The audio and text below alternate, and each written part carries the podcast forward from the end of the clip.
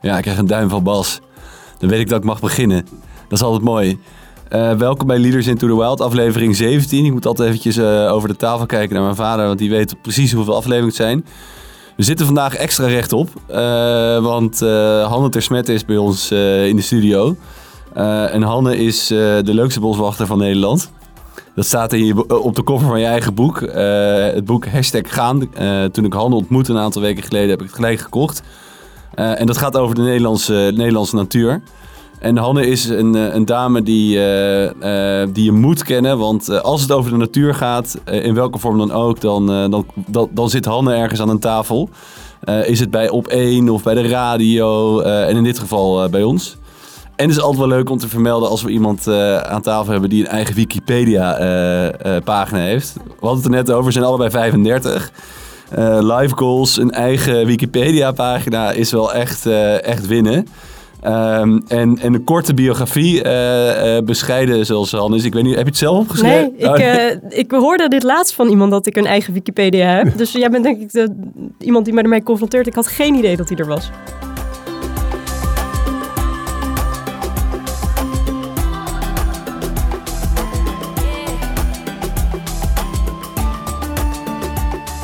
Wat mooi. Nou, je, mag, je mag straks iets over jezelf vertellen. Wat staat er eigenlijk op? Uh, het staat dat je communicatie hebt gestudeerd aan uh, de hogeschool en aan de universiteit.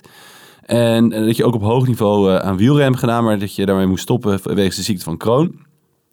En je werd in 2013 dus boswachter natuurbeleving communicatie bij Natuurmonumenten. Je schrijft blogs en persberichten en ook vlogger. en hebt dus je boek geschreven. Dat is alweer vijf jaar geleden. Uh, daar gaan we het natuurlijk ook nog over hebben. En sinds uh, twee jaar geleden werk je uh, bij de Vogelbescherming Nederland.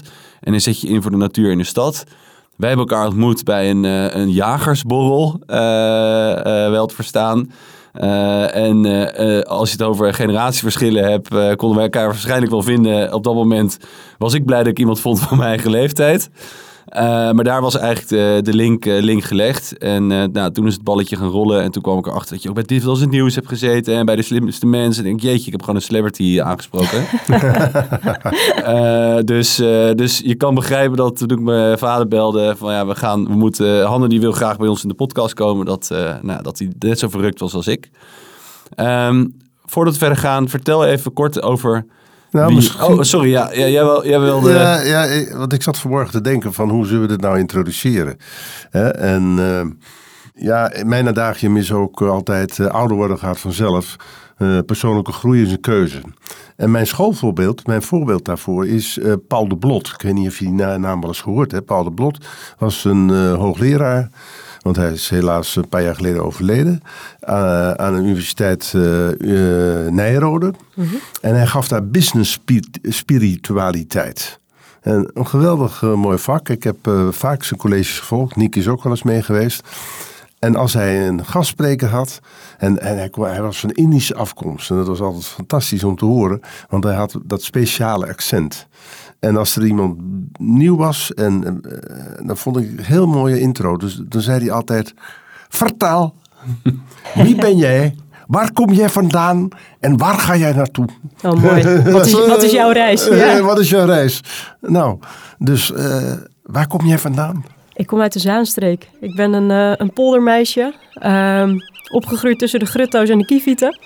En daar is mijn liefde voor natuur denk ik ook aangewakkerd. Uh, en via allerlei omzwervingen ben ik uh, uiteindelijk op de Utrechtse Heuvelrug terechtgekomen. Um, mensen denken heel vaak voor het vak, maar eigenlijk was de liefde gewoon de oorzaak. Mijn, uh, mijn man inmiddels, die, die woonde daar al en die wilde daar heel graag blijven. Nou, we wonen midden in het bos, dus ik kon daar wel inkomen. En um, nou ja, via communicatie, reclamebureaus, PR-bureaus, grote en kleine, toch elke keer mezelf de vraag gesteld, ja word ik hier nou echt gelukkig van? Nou ja, dat antwoord was eigenlijk nee. Dus toen uh, ben ik op zoek gegaan naar wat mij nou dreef, drijft in het leven. Nou, dat was altijd sport. Schaatsen, wielrennen heb ik heel fanatiek gedaan. Uh, hardlopen heb ik uh, afgelopen jaar heel fanatiek gedaan. Um, de marathon van Amsterdam gedaan.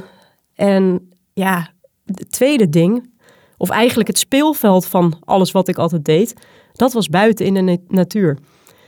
Uh, ik riep vroeger altijd dat ik dierenarts wilde worden. Nou, dat heeft natuurlijk ook veel raakvlakken met de natuur. Maar ik heb ook wel eens in vriendenboekjes, zoals je misschien wel kent van vroeger, opgeschreven dat ik bioloog wilde worden.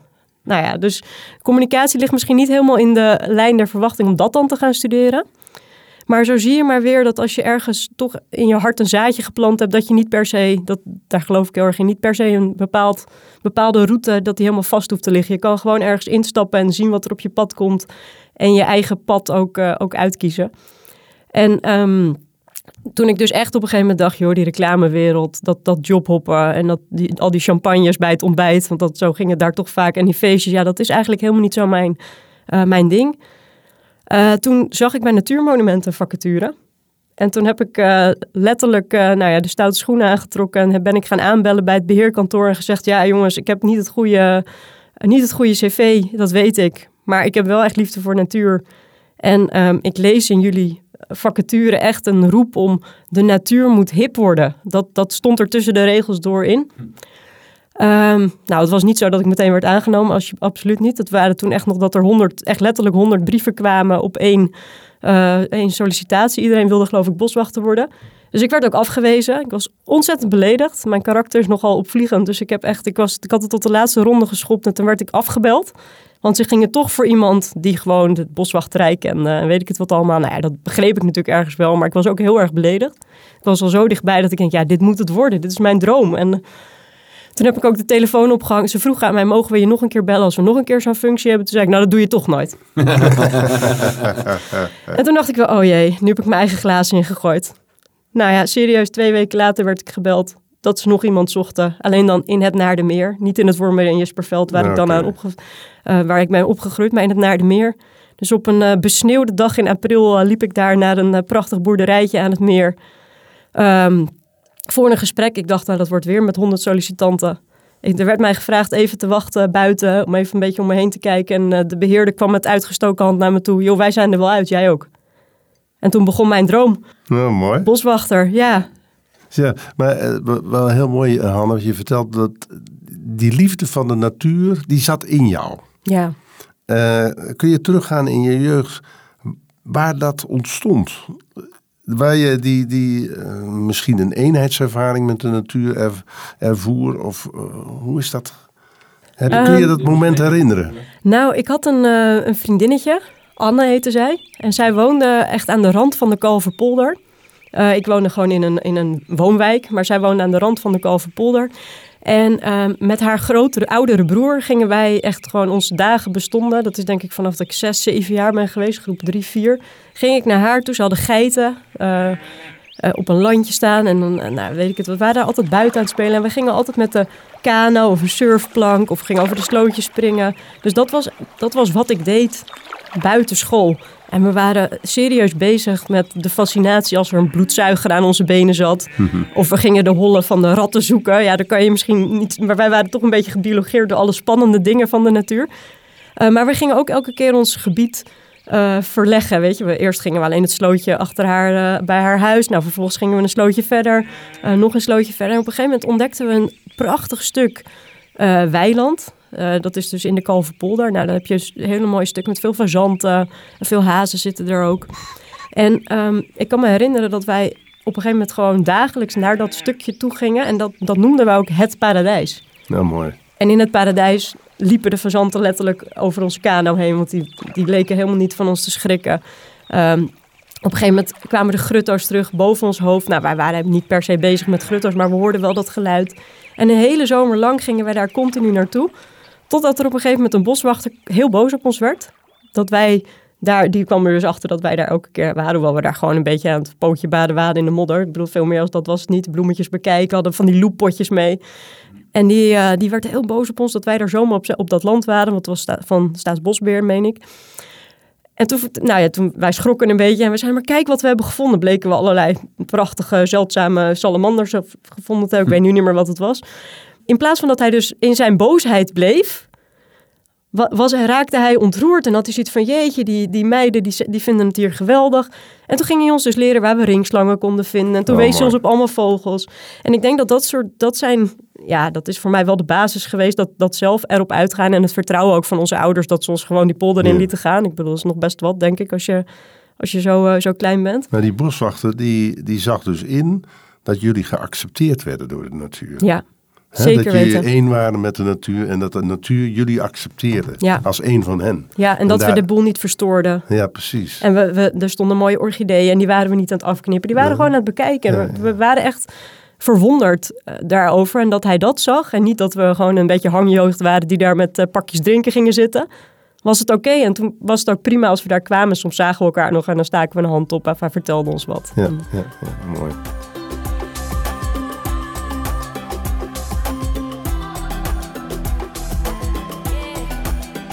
Je bent op dit moment eh, ook ambassadeur van de Nederlandse natuur, als ik het zo mag zeggen.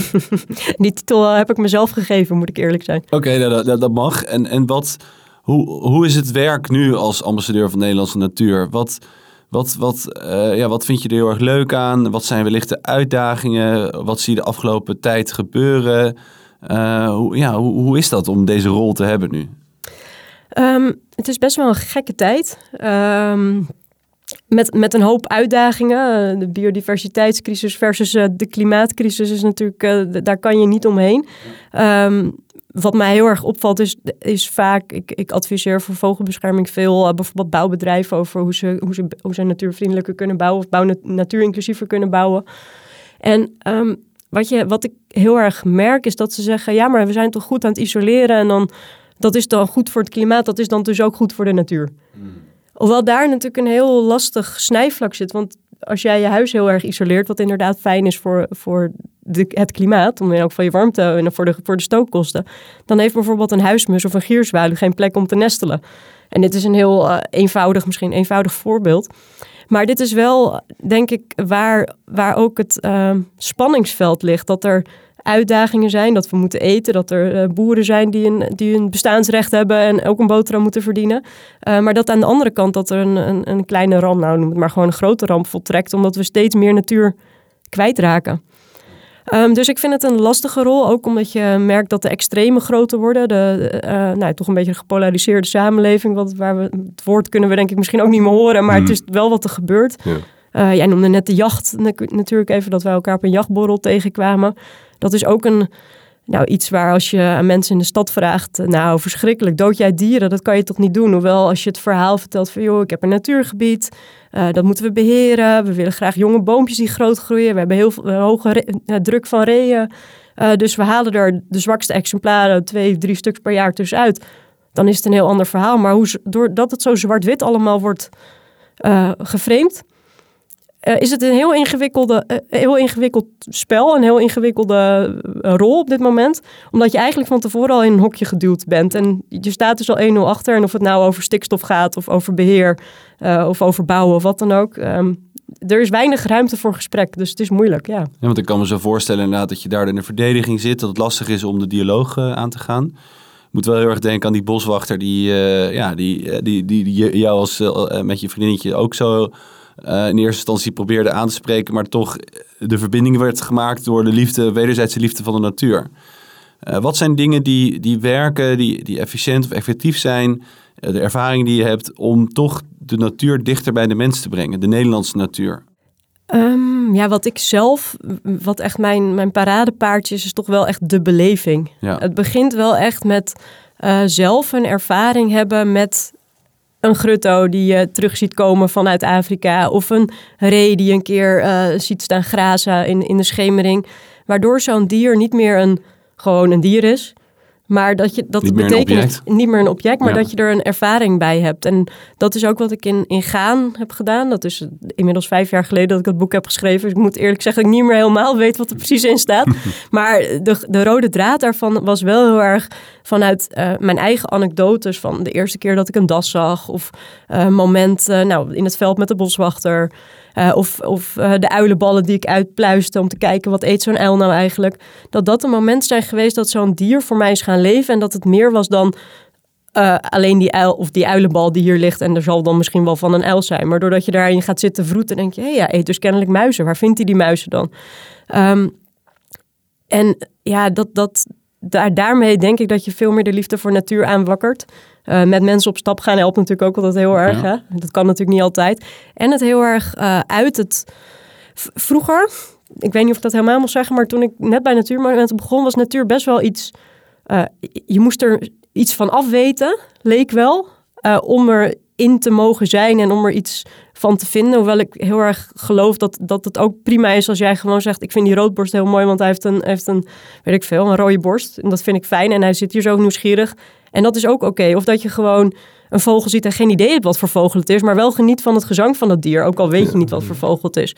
Dus dat hele, je moet bioloog of ecoloog zijn of, of wat dan ook om van de natuur te mogen houden. Ik, ik, ik denk dat, dat we het veel dichterbij moeten brengen, want iedereen, er zijn misschien wel, weet ik het, 17 miljoen manieren om van de natuur Ja. te genieten en iedereen heeft daar recht op. Ja. Ja, dat doet me denken aan, aan Descartes, hè? Die, die, ken je Ja, natuurlijk. zeker. Ja. Eh, die, die, die, die zei van het is dualisme. Hè? Die zei alleen de mens die heeft een bepaalde verbinding met die andere stuf. Dat is een ziel of, of geest of weet ik veel wat. En de rest zijn beast machines. De hele natuur is een beast machine, zei hij. Dat is heel mechanisch, mechanistisch. En daardoor is er eigenlijk eh, in, al in de 17e eeuw zo'n wereldbeeld ontstaan... dat wij als mensen ons verheven kunnen voelen Boven. boven de natuur. En niet één zijn met de natuur. Dus die subject-object-relatie is daar ontstaan in dat denken. En daar, heeft de, daar, is, daar is de industrialisatie aan voortgekomen. Dat we allemaal maar mogen produceren vanuit de natuur. Hè, en, en, en wezen ons eigen leven opeten als het ware. Maar dat, dat, dat hele Cartesiaanse mensbeeld, dat, dat leeft nog steeds door. ja. En daardoor is zo goed dat je vertelt en ook aan de verhalen vertelt hoe mensen de natuur kunnen ervaren. En, en, en, en dat we één zijn met de natuur. Dat je, dat je, Ja, dat één zijn, dat is natuurlijk. Weet je, eh, ik heb het geluk dat ik midden in het bos woon, eh, dat ik eh, eh, een, een stukje natuurgebied beheer, dat mijn werk vogelbescherming is. Dus gewoon volle bak altijd voor de natuur me inzet. En ik kan me best voorstellen dat als jij midden in Amsterdam woont, op, op vijf hoog, dat de natuur iets veel abstracters is en, en meer ver van je bedshow. Maar ook dan ehm, probeer ik mensen er altijd op te attenderen. En dat vind ik heel fijn dat bijvoorbeeld die, die films zijn gemaakt over de natuur in de stad, et cetera.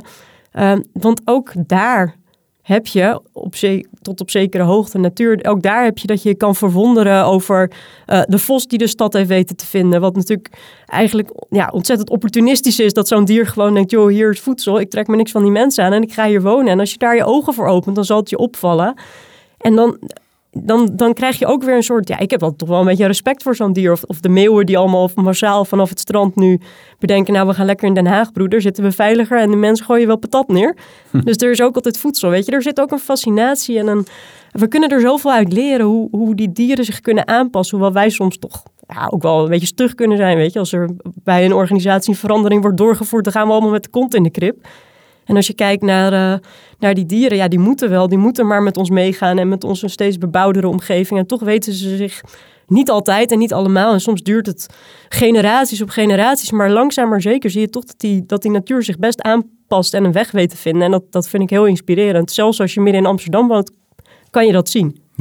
Begint met nieuwsgierigheid. Ik, ik moet me denken aan een eh, vrij bekend filmpje van David Attenborough. Nou, we maken wat grapjes over mijn vader dezelfde, dezelfde stem heeft. Maar Is wel waar. eh, we hadden het net in de auto hier naartoe over. Het, we zijn allebei wat verkouden. Dus we dachten, het wordt echt een soort candlelight eh, aflevering. maar goed, eh, David Attenborough in gesprek met eh, eh, eh, toen nog president Barack Obama. Ja. Eh, eh, die hem ook de vraag stelt van, goh, eh, hoe, hoe kijk je naar de natuur? Zei hij, het is verwondering en, en de nieuwsgierigheid dat een kind heeft... als hij bij spreken zoiets simpels als een steen optilt... en dan ziet wat er allemaal onder die steen leeft en beweegt... en, en complete verbazing en verwondering. En dat ben je, naarmate je ouder wordt en naarmate we verder gaan... raken we dat, raken we dat een, beetje kwijt. En het is precies wat jij zegt. Ja, weet je, ik, ik woon in Utrecht... En ik zag eigenlijk alleen de ringbandparkiet. En dacht, oh, die, De halsband. Oh, de halsband. Sorry, Sorry, de, groen, die groene toch? Ja, ja. ja, ja, ja. En, eh, en nu woon ik wat meer in, ook in een bosrijke omgeving. En, en het, je, als je, op een gegeven moment raak je er steeds meer geïnteresseerd. Dan ga je steeds inderdaad meer zien. En wordt het ook steeds leuker. Ehm, en, en raak je er een beetje door, eh, ja, raak je er mee bevlogen. En het helemaal wat je gelijk hebt, is ook een oordeel wat hier- hiervoor dat ik had van ja, ik mag pas over de natuur iets weten of vertellen als ik er dan heel veel van weet en opleiding heb gedaan. En, en, en dan, maar ja, weet je, als jij, eh, als het je opvalt wat je, dat je weet wat voor een lokroep een bepaalde vogel heeft en je kan het, je zegt dat tegen degene waar je naast, waar je mee aan het wandelen bent, heeft dat net zoveel plezier als je.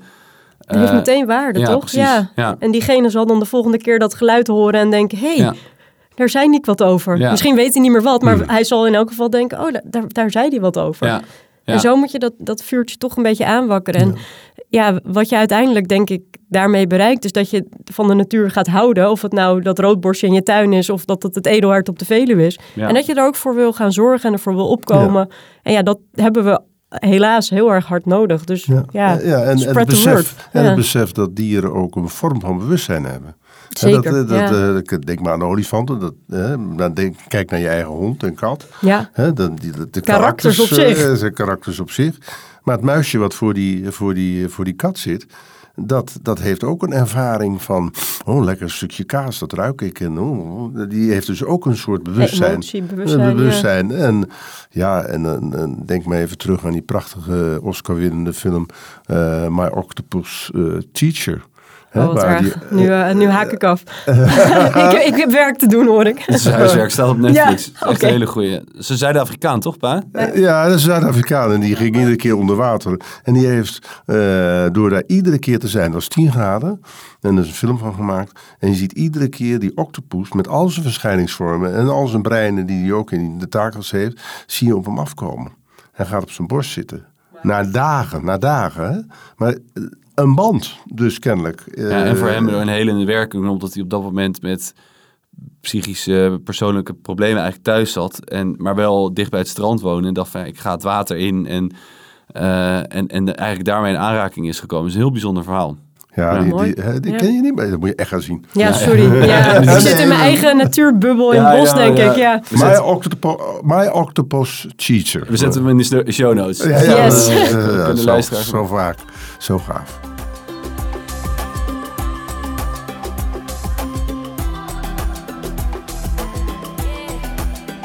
Hanne, je zei het net eigenlijk al. eh, we kunnen als organisatie, als mens, ook in een organisatie ook best wel wat leren van de dierenwereld. Wij hebben het in deze podcast heel veel over de relatie tussen natuur en leiderschap. Hoe zie jij die relatie tussen natuur en leiderschap met de ervaring die jij hebt? Ehm, nou, als ik, als, kijk, ik ben natuurlijk heel erg iemand die, het- die nou ja, het gedrag bestudeert. Dat klinkt heel groot, dat is niet helemaal waar. Dat is op mijn, of is op mijn eigen niveau. Daar hebben we het weer over. Dat, Ja. dat ik zelfs me veront, verontschuldig, want ik ben geen onderzoeker van de natuur. Maar ik ben wel iemand die veel in de natuur is. En ik vind het wel ehm, heel, en dat zei ik net al een beetje, inspirerend of, of eh, eh, goed om jezelf eens aan te spiegelen van hoe, ehm, eh, hoe passen dieren zich aan. Het aanpassingsvermogen van dieren vind ik fantastisch. Ook het recht van de sterkste. Ik, als ik heel eerlijk ben, vind ik af en toe dat we echt wel in een heel erg betuttelende maatschappij leven. Met, met dat iedereen. Nou ja, ja ik, hier wil ik niemand mee voor de bos stoten. Maar ik denk wel eens als je kijkt naar de natuur. Ja, eh, de mooiste bok of het, het, weet je, het grootste hert, die heeft de meeste vrouwtjes. En zo, zo is het kennelijk nou eenmaal geregeld. En moet nou altijd iedereen gelijk aan elkaar zijn. Ik vind wel dat we allemaal met respect met elkaar om moeten gaan. Maar ja, dat, dat de een net andere kwaliteit heeft dan de ander. is niet dat de een slechter is dan de ander. Maar ik vind wel eens dat we daar ehm, wat meer naar terug mogen. Dat het nou eenmaal niet zo is dat iedereen... eh, weet je, ik ben toevallig boswachter. hoor. Nou, niet iedereen wordt boswachter. Maar als je, eh, weet ik het, eh, bedrijfseconoom wordt, dan is dat ook fantastisch. En als je bouw, bouwer wordt, weet je, gewoon met je handen werkt, dan is dat volgens mij helemaal fantastisch, weet je. Dus Ja. Ehm, ik, ik denk wel eens, jongens, we maken het onszelf zo moeilijk met elkaar. Dat we iedereen maar tevreden willen houden en elkaar willen sussen. En ik, ik, ik snap dat ik me enigszins op glad ijs Ik snap bevind. wat je bedoelt. Als je kijkt naar het recht van de sterkste, het, het is ook de fit die je hebt met je omgeving. Jij hebt vanuit je gevoel, vanuit, vanuit je, eh, ja, je noemt het zelf je persoonlijke reis. eh, heb, jij, heb jij je weg gevonden die misschien wat onconventioneel was of voelde voor jezelf. Sterker nog, je bent nog steeds jezelf een beetje aan het verontschuldigen, wat, wat oké is. Ik snap het goed, want ja, het blijft een, blijft een zoektocht, maar wel de fit waarvan jij denkt, ja, ik kan mijn talenten en capaciteit op deze manier inzetten.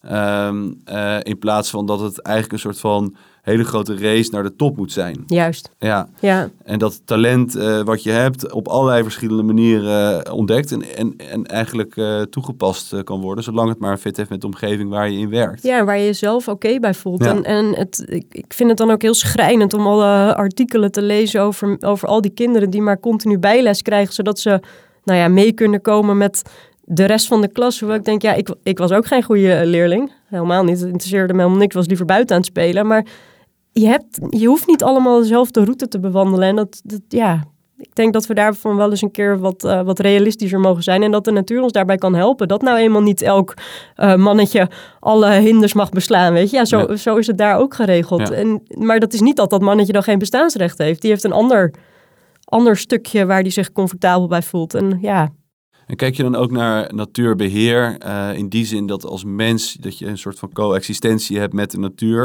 en dat nou eenmaal zo geregeld is dat we in, in- vooral in Nederland met een druk, druk bevolkt gebied met veel bebouwing dat we dus als, als mens en jij in jouw geval als, als natuurbeheerder eh, als ik het zo mag zeggen ook daar een bepaalde rol in hebt die je moet vervullen want de natuur kan het niet zelf oplossen anders dan ja, het liefst zou ik zeggen, joh, we laten de natuur de natuur. ja, En we zien wel wat er gebeurt. Ehm, maar in de praktijk is Nederland daarvoor helaas gewoon niet geschikt met al onze wensen qua wonen, qua eh, recreatie.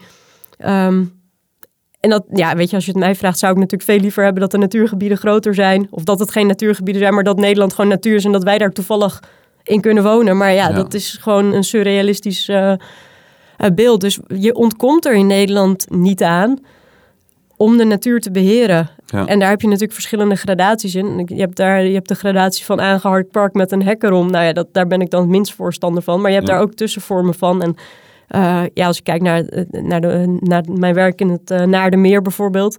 Ja, dat was, dat was fantastisch. Dat heb ik echt, uh, dan denk ik, ja... Wat ik daarmee wil zeggen, het Naar de Meer, dat is een, een laagveengebied. Als je daar niks aan doet, gewoon niks... dan komt daar gewoon allemaal berkenbos op. ja, En wat gebeurt er dan? Dan ben je je hele laagveengebied met de soorten die daarbij horen, zoals een ringslang, zoals een purperreiger, noem maar op. Die ben je gewoon kwijt. De trilvenen ben je kwijt. Hoewel mensen volgens mij, als je ze vraagt, dan zeg je, wat denk je van naar de meer? Is dat een natuurgebied? Dan zeggen ze, ja, dat is puur natuur.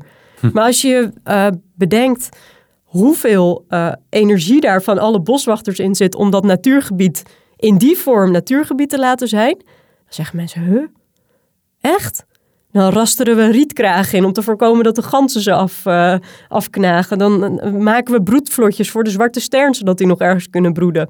Uh, dan, dan plaggen we het veen plachten we af, zodat de stikstoflaag, weet je, dat de voedselrijke laag eraf werd gehaald en dat dat veen weer gewoon voedselarm kon verder leven. Ja. Dus um, de perceptie van wat natuur is, dat is denk ik ook voor heel, ja, dat is ook iets heel subjectiefs. En toch weer terug naar leiderschap en organisatie. Zie je dan een leider en een organisatie, degene die, zoals jij, dat natuurgebied beheert. En dat je de omgeving creëert en cultiveert, zodat de soorten die, die, die daar mogen bestaan, ja, tot, tot, tot, tot bloei kunnen komen. Zie je dat dan zo?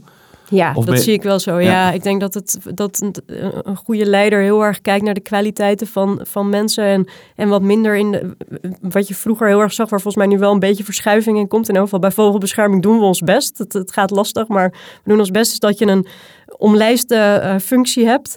En daar moet je dan vooral aan voldoen. Nou ja, ik ben echt zo iemand die totaal niet in een omlijste functie past. Hm. Dus ik ben binnengehaald op een bepaald uh, pakket. Maar in de praktijk blijkt dat ik eigenlijk veel meer uh, met pers aan, aan, uh, op pad ben. Dat ik met groepen excursies geef. Dat ik vlogs maak. Hoewel, nou, er is geen vacature die ooit er zo uit heeft gezien. En ik denk wel dat het de, dat, dat je doordat je kijkt naar wat iemand in huis heeft en daar, weet je, je moet altijd dingen doen die je wat minder leuk vindt. Dat, ik denk dat dat, dat dat ook bij het leven hoort en dan word je helemaal niet slechter van. Maar dat uh, inderdaad, als je mensen tot bloei brengt, zoals jij het net omschreef, dat, dat is voor mij wel, uh, wel leiderschap, ja. En met een toevoeging als belangrijkste voorwaarde, ik denk dat je dat ook wel kan beamen, dat je het vertrouwen krijgt ja. en de veiligheid om uh, dat ook te mogen kunnen doen. Dat er geen oordeel is van, jeetje Hanne, wat ga je nou weer doen? Ga je vloggen en, en dat je dan denkt, oh, dat, dat mag niet kennelijk? Of...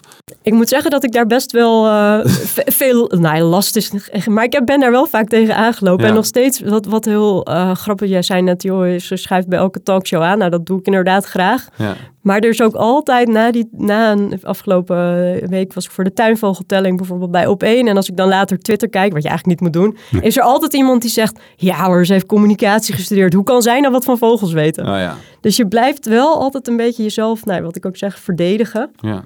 Ehm, ja, doe, je, ik- dat- doe je dat dan ook? Nee, Nee, ik ben daar wel overheen. Ja, ja. maar eh, dat ik voor het eerst, eh, nou, ik denk dat het alweer tien jaar geleden is, mocht ik bij de Wereld Draait Door aanschuiven. Ja. En toen ben ik echt, heb ik echt me zo daarna zorgen gemaakt om al die reacties van die mensen. Dat ik echt, en hoe je praatte, wat je zei, wat je had gestudeerd. Hoe kan jij jezelf nou boswachter noemen? Nou ja, alles wat je dan. eh, dus dat vertrouwen is wel. eh, ik vind Ja, dat wel een goeie wat je zegt. Ja. Nee, je hebt wat eelt op je ziel gekregen. wat Ik heb wat eelt op mijn ziel gekregen. Maar ja, dat, dat, ja de een, bij de een gaat dat makkelijker en sneller Ja. dan bij de ander. En, Ja. Maar ik kan me zo voorstellen dat je wel vanuit de instanties waar je eh, mee samenwerkt of bij hebt gewerkt, ook wel het vertrouwen hebt gekregen om dit te gaan doen. Nou, dat valt best tegen hoor. Oh ja? ja, ja, nou ja, weet je. Dus het is eh, eigenlijk meer een vorm van persoonlijk leiderschap dat je, dat je eh, eigenlijk het hebt laten zien. Ja, ik, ik ben denk ik iemand die, dat komt denk ik ook uit eh, mijn sportverleden, wel Ja. heel erg dan een ambitie heb en, en denk oké, daar ga ik voor. En dan, ik, ik wil ook echt niet op afgaan als ik op landelijke televisie zit, dus ik bereid me daar echt wel op voor. Nu, nu wat minder dan vroeger. Vroeger kon ik dan echt alle vogelgeluiden gaan luisteren om maar niet eh, door de man te vallen, zeg maar. Inmiddels denk ik, joh, ik weet zoveel meer dan de rest. Dat, dat is natuurlijk een, een groeiproces waar we het eerder over hadden. Ja. Ja, ik denk dat er wel. eh, dat het wel helpt als je een leider hebt die je vertrouwen geeft. En eh, ja, ik heb dat gewoon zelf maar gedaan. Ook omdat het me een beetje overkwam. ja. Ik denk dat ik dat wilde, wilde mee aangeven. Ik kwam toevallig bij de Wereldwijd Door een keer terecht. En toevallig belde er daarna iemand voor een ander programma. Nou, dan kom je in een kaartenbak en dan gaan dingen rollen. Maar het is niet zo dat ik heb gedacht... toen ik bij Natuurmonumenten ging werken... oh, nu wil ik het gezicht van Natuurmonumenten Ja. worden. Totaal niet. Dat is me overkomen. En dan kan je zeggen, oké, ik, ik schaal af... En ik ga dit niet doen, want ik vind het niet comfortabel. Maar ik heb gedacht, oké, ik schaal bij. En ik ga me zo goed als, en zo kwaad als het gaat inzetten voor de Nederlandse natuur. Heel mooi. Heel mooi. Ja, heel mooi. Heel mooi. Heel mooi. En, en ook eh, ja, dat je, denk ik, toch ook wel het vertrouwen hebt gekregen. Hè? Die ruimte hebt gekregen. Hè? De, maar dat je hem ook hebt gepakt. Ja. Hè? Dat, dat, dat- dus het gaat niet alleen maar om, eh, ja, ik moet de basis hebben van een baas. Maar het ook eigen initiatief. En, en daardoor het zelfvertrouwen hebt om dit te gaan doen. Hè? Dat, eh, dat, Ik kan me voorstellen dat het voor een baas ook ingewikkeld is om iemand zoals ik te moeten Oh ja, is eh, coachen. Want ik, ik ga met de wind, weet je. Dit overkomt, oh, dat, daar spring ik dan in. En er zit heus wel een soort van... Nee, eigenlijk niet. Er zit geen plan achter, inmiddels wel, maar toen niet. En dan word je daar ook als, als organisatie mee geconfronteerd. Dat je denkt, ja, ze doet best goede dingen. Maar eigenlijk stond dit niet in ons, eh, in ons meerjarenplan. nou ja, dat is ook ingewikkeld. Dus zeker, er is ook een hoop eh Maar ik vind, dat, ik vind dat een hele mooie vorm van persoonlijk leiderschap. En het is een, een, een onderdeel wat we eigenlijk niet zoveel hebben besproken. We hebben het eigenlijk altijd voor leiderschap in de brede zin van het woord. En, en dan denk je eigenlijk direct aan leiding geven aan een team of, of, of leiding geven aan, eh, aan een hele organisatie. Ehm, maar in de, in de talenten of in de leiderschapsprogramma's die ik eh, faciliteer, en voornamelijk bij talenten, dat zijn mensen van eh, tussen de 30 en 35, zitten er ook best wel vaak tussen. Die zeggen, ja, weet je, ik wil, eh, ik hoef niet per se een manager te zijn. Weet je, ik wil me heel graag ontwikkelen, maar ik hoef niet leider van een groep mensen te zijn. En dan hebben we het over komen op het vlak wat jij eigenlijk heel mooi omschrijft, persoonlijk leiderschap. Hoe kan jij je eigen kracht eh, ontdekken, maar wellicht ook je valkuilen kennen, daarmee het zelfvertrouwen ontwikkelen om toch de dingen te doen eh, waarvan jij eh, wat dicht, dicht bij je bron zit, om je meer van jezelf te laten zien. En dat kan inderdaad ingewikkeld voor je omgeving zijn, of juist heel mooi, want dan, dan ontplooi je dus eigenlijk jezelf. Je laat je potentie zien. Ehm, en dan ben je dus ook in die zin persoonlijk, maar ook dus een leider naar je omgeving. Je kan een voorbeeld zijn voor anderen. Je, kan, je maakt verbinding met de mensen waar je het eventueel samen mee doet. Je, je, je, eh, je hebt het gevoel dat je niet alleen staat. En dat is ook een vorm van, van leiderschap, is, is echt ver- verbinding maken. En, eh, en, en soms eventjes het nek je, je, je hoofd boven het maaiveld uitsteken. Eh, Af en toe gaat hij er ook af, maar daar Ja. word je ook niet, eh, en, en, word je ook en- niet slechter van hoor. en dit- is en dit zo- het vak. Ja, en Precies. dit, en dit zo open en kwetsbaar te bespreken. Want daarmee ben je dus ook inderdaad een leider. Heb je een leiding, leiderrol voor, voor andere mensen. Die om welke passie of bevlogenheid dan ook eh, zich af en toe wel geremd voelen. Nou ja, als je kijkt naar, eh, weet je, ik vind de, ik vind de brons van de edelharten dan toch altijd een mooi voorbeeld. Er zijn natuurlijk altijd supersterke mannetjes die zich wagen aan het gevecht. En dan toch druipen ze uiteindelijk af. Maar ze hebben wel, uh, they take the risk, weet je. Ze hebben Ja. het wel geprobeerd. En ja, oké, het is niet gelukt. Maar misschien het jaar daarop wel, want dan is dat ene mannetje toch slechter. Of dan zijn ze toch aan het trekken, whatever, weet je. En dat vind ik wel eh, sowieso een super mooie, mooi verschijnsel in de natuur. Als die grote edelharten met elkaar eh, gaan knokken om de vrouwtjes. Maar dat is wel, vind ik, wat het is. De ene keer lukt het je wel en de andere keer lukt het je niet. En ik ben dan wel iemand die heel erg baalt als het me niet lukt. Dus dat is dan misschien eh, handig dat je dan nog een keer gaat proberen. Maar laat je er niet door remmen. Nee, nee, nee, prachtig. Ja, het doet me denken aan, eh, de- ja, dat- dan kom ik weer helemaal terug in de theorie. De theorie U, ik weet niet of je dat wat zegt, maar daar zit een fase in van prototyping. Hè? Dus dat je Ja. dingen gewoon maar uitprobeert. Ja, En dan kijken hoe waar het schip strandt. ja Maar daar in ieder geval van leert. En dan leer je niet vanuit het verleden, maar dan leer je van de toekomst als het ware. Ja. Want je creëert iedere keer een stapje in de toekomst. Hè? Net zoals het edelhert, nou ja, ik ga maar knokken. Precies. Eh, en dan leer je weer van, nou dit knokken, dit was niet zo handig. Dat doe ik de volgende keer anders. En eh, dat is een soort prototyping, hè, die we dus in de natuur zien. En die kunnen we eh, veel ook toepassen in het, in het bedrijfsleven of in organisaties en dergelijke.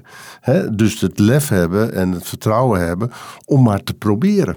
Ja, en ook die, die, eh, je strategie misschien aan te passen. Of, wat ik, of kijken hoe de omstandigheden zijn. Als je naar eh, een groep reeën kijkt in de winter, dan zijn ze met z'n twintig bij elkaar. De mannetjes en de vrouwtjes en iedereen één grote happy family. Maar eh, als het mooi weer is en de hormonen gaan weer door het lijf gieren, dan eh, gaan ze allemaal gewoon weer solitair verder. Maar juist in die periode dat het kouder is, als er minder te eten is, dan zoeken ze elkaar juist op. En dan is dat dus de overlevingsstrategie. En dat Ja. zijn ook van die eh, dingen dat ik denk dat zie je natuurlijk ook met, met vogels heel veel spreeuwen die in de winter allemaal met elkaar in een boom gaan zitten. Het is gewoon veiliger, hoewel ze eigenlijk elkaar eh, misschien niet kunnen luchten of zien, weet je. Maar dan kiezen ze toch, oké, nu is dit mijn strategie, want dan is mijn overlevingskans veel groter dan dat ik in mijn eentje in een boom ga zitten. Ja. Een soort biomimicry kunnen we leren.